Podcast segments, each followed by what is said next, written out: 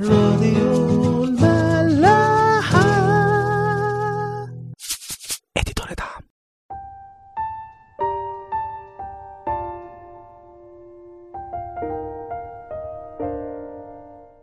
أهلا بيكم في حلقة جديدة من برنامج عيش وملح.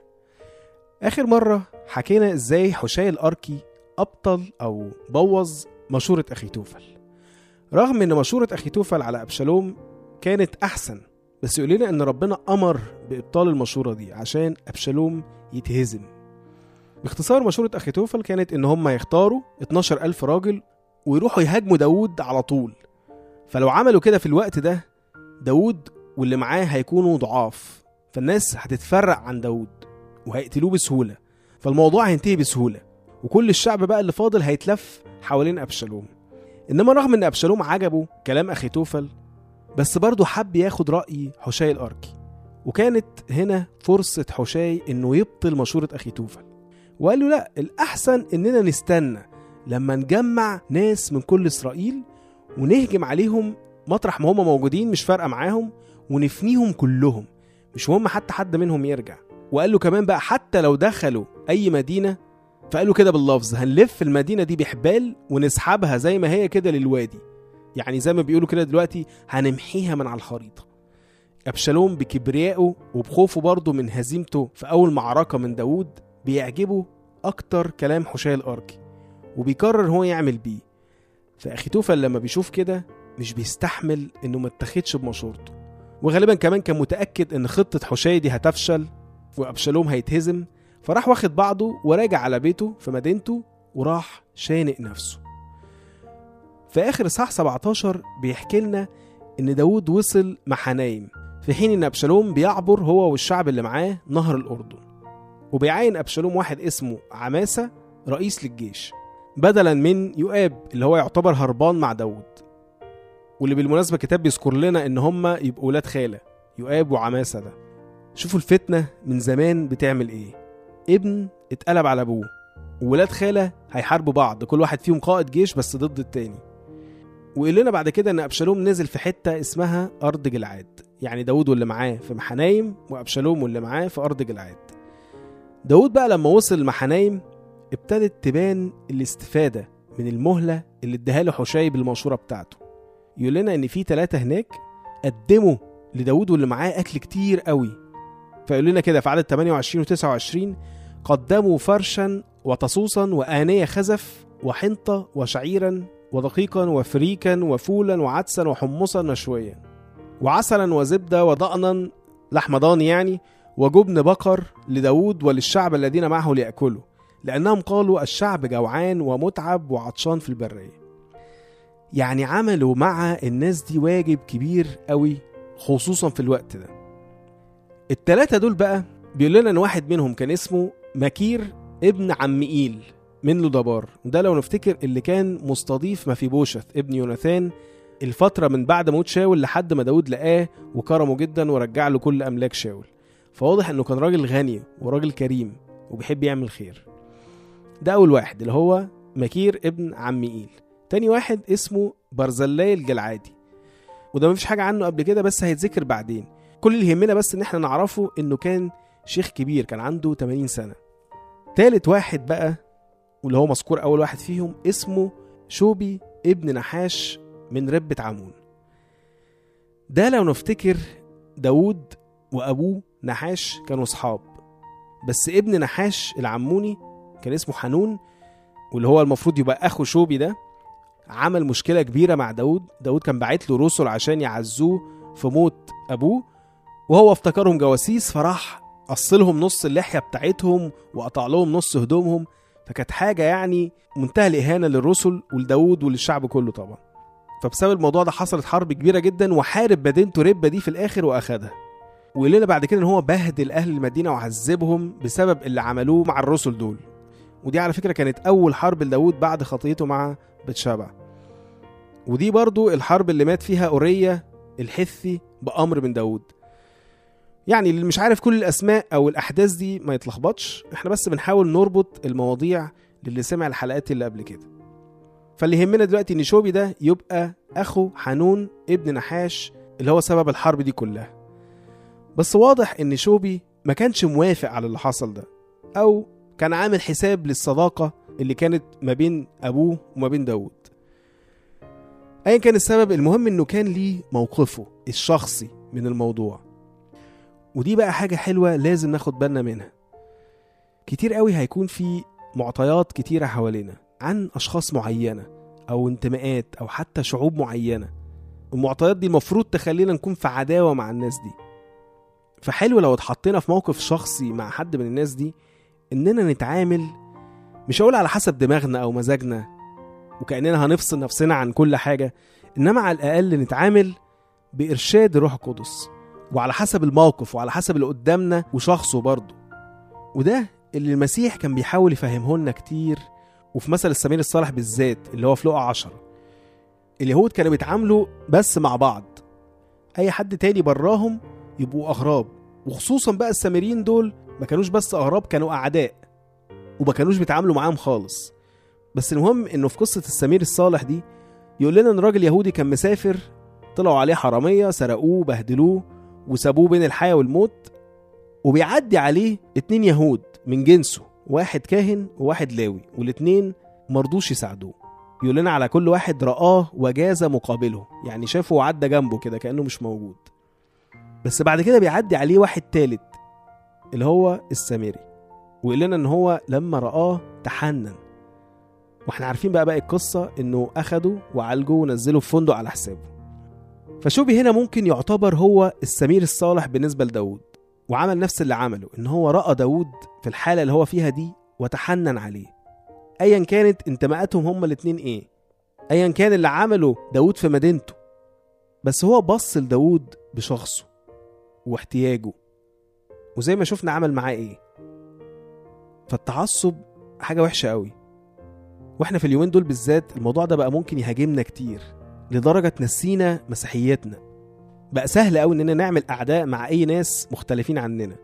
مختلفين في الاتجاه السياسي أو مختلفين في الديانة أو حتى للأسف مختلفين في العقيدة. ماشي لازم يبقى لنا موقف وموقف واضح كمان ومبادئ مؤمنين بيها. بس مع كل شخص لوحده لازم يكون لنا تعاملنا الشخصي معاه على حسب الشخص وعلى حسب احتياجه. وأهم حاجة على حسب إرشاد الروح لينا.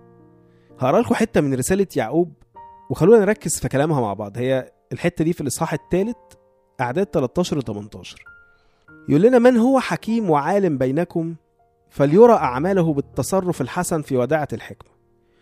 ولكن إن كان لكم غيرة مرة وتحزب في قلوبكم تحزب اللي هو زي التعصب فلا تفتخروا وتكذبوا على الحق. تكذبوش على روحكم. ليست هذه الحكمة نازلة من فوق بل هي أرضية نفسانية شيطانية. لأنه حيث الغيرة والتحزب هناك التشويش وكل أمر رديء. طالما في تعصب دايما أفكارنا هتكون مشوشة وآرائنا مشوشة.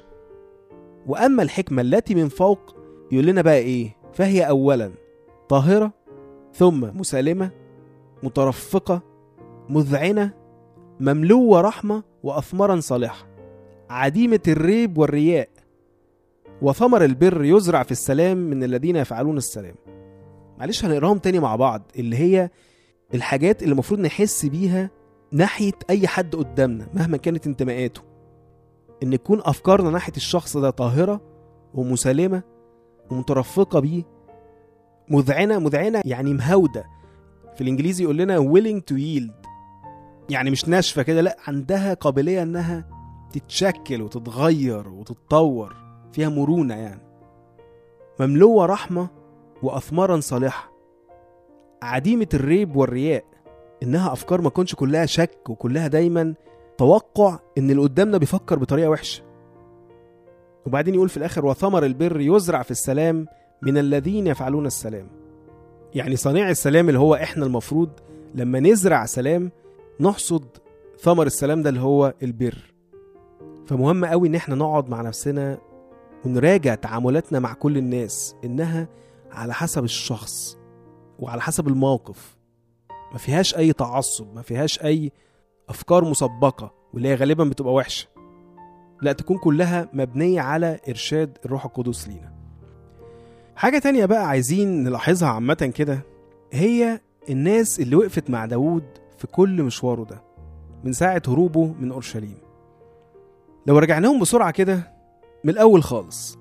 أول واحد التاي الجتي اللي هو كان عبد أو أسير عند داود اللي صمم يجي مع داود واللي داود نفسه هيعمله قائد بعد كده لواحدة من الفرق اللي هيهاجم بيها.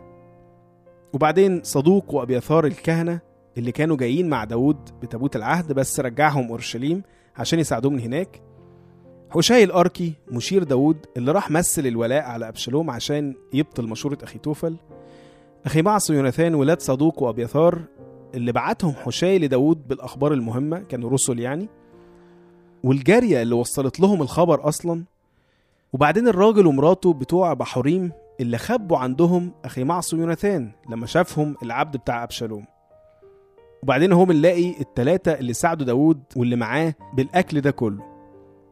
التلاتة دول شوبي ابن نحاش من ربة عمون البلد اللي داود بهدلها. والتاني مكير ابن عمئيل الراجل الغني والكريم وتالت واحد برزلاي الجلعادي الشيخ الكبير. فشايفين الصورة عاملة إزاي؟ دي كنيسة كاملة جسد واحد بيحارب الشر. ومن غير أي عضو في الجسد ده داود مش ممكن هيعرف يغلب أبدا. التال جتي عبد صدوق وأبيثار كهنة ولادهم. حشاي الأركي رجل سياسة. الجارية خدامة. الراجل ومراته بتوع بحريم دي عيلة. والتلاتة اللي في الآخر الواحد منهم غني والتاني شيخ والتالت عدو أو على الأقل غريب ما كانش لازم يساعد داود كل دول كان ليهم غرض واحد ورؤية واحدة إنهم يحاربوا في الحرب بتاعة داود ضد الشر بتاع أبشالوم. كلهم باختلاف وظائفهم ومستوياتهم وحتى انتماءاتهم اتوحدوا كلهم في جسد واحد. وهو ده شكل كنيسة المسيح اللي لازم تكون عليه. في رومية 12 عدد أربعة بولس يقول فإنه كما في جسد واحد لنا أعضاء كثيرة ولكن ليس جميع الأعضاء لها عمل واحد. هكذا نحن الكثيرين جسد واحد في المسيح وأعضاء بعضنا البعض كل واحد للآخر. في كورنثوس الأولى 12 كله بولس بيتكلم عن موضوع الجسد الواحد وإزاي إن كل واحد فينا ليه دور وما ينفعش حد يحتقر حد تاني أو يحس إنه ممكن يستغنى عن أي عضو في الجسد ده ويقول كده في عدد 27 وأما أنتم فجسد المسيح وأعضاؤه أفرادا. فيعني لو لأي سبب احتكرنا أو استغنينا أو حتى أهملنا في أي فرد من الكنيسة كأننا بالظبط بنبتر أو بنقطع حتة من جسمنا ونرميها. شايفين إزاي الوضع صعب؟ شايفين إزاي إنه حتى مش من المعقول إننا نهمل أي فرد؟ ما هو مفيش حد بيستغنى عن حاجة جوه جسمه مهما كانت صغيرة أو حتى مش فاهم لازمتها غير لو عنده مشكلة في دماغه بقى. أو دماغه دي مش متصلة بباقي الجسد بشكل مظبوط. ومين هو الرأس بتاع الجسد ده؟ هو المسيح. فبالتالي ده معناه إن مجرد إحساسنا بعدم أهمية أي عضو في الكنيسة فده معناه إننا بصراحة مفصولين عن رأس الجسد ده. فهي المعادلة كده وجود الرأس اللي هو المسيح وعمله في الجسد بيساوي إن الجسد ده يكون متوحد وإن كل الأعضاء تكون مهتمة ببعض. يفرح لفرحه ويتألم لألمه وما يستحملش أصلا فكرة إنه العضو ده ما يبقاش في الجسد. وعلى العكس لو خدناها بقى بالراجع إن عدم وجود الوحدة دي في الجسد معناه إننا مفصولين عن المسيح. هقرأ لكم حتة تانية من أفسس أربعة من عدد واحد لسبعة. يقول فأطلب إليكم أنا الأسير في الرب أن تسلكوا كما يحق للدعوة التي دعيتم بها بكل تواضع ووداعة وبطول أناة محتملين بعضكم بعضا في المحبة. مجتهدين مجتهدين أن تحفظوا وحدانية الروح برباط السلام. جسد واحد وروح واحد كما دعيتم أيضا في رجاء دعوتكم الواحد. رب واحد إيمان واحد معمودية واحدة. إله وآب واحد للكل. الذي على الكل وبالكل وفي كلكم. وفي كلكم. يعني المسيح في كل الناس دي. ولكن لكل واحد منا أعطيت النعمة حسب قياس هبة المسيح. وبعدين بيشرح شوية وبيكمل في عدد 12 لأجل تكميل القديسين لعمل الخدمة لبنيان جسد المسيح.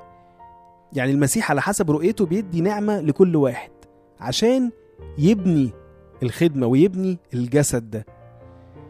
ويكمل بقى. إلى أن ننتهي جميعنا إلى وحدانية الإيمان ومعرفة ابن الله إلى إنسان كامل. إلى قياس قامة ملء المسيح. يعني مش هنوصل لملء المسيح ده من غير الوحدة دي ومن غير ما نكون إنسان كامل.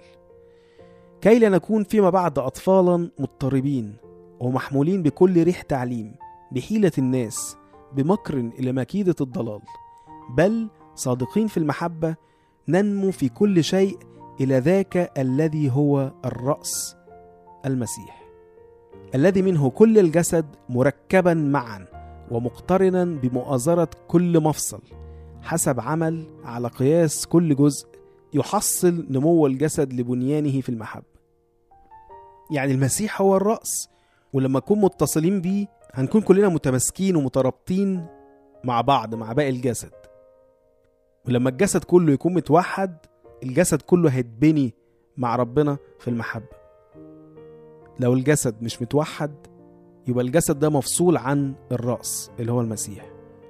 ولو الرأس اللي هو المسيح متصل بالجسد كل الجسد هيتوحد وهيتماسك وهيتبني كله في المحبة.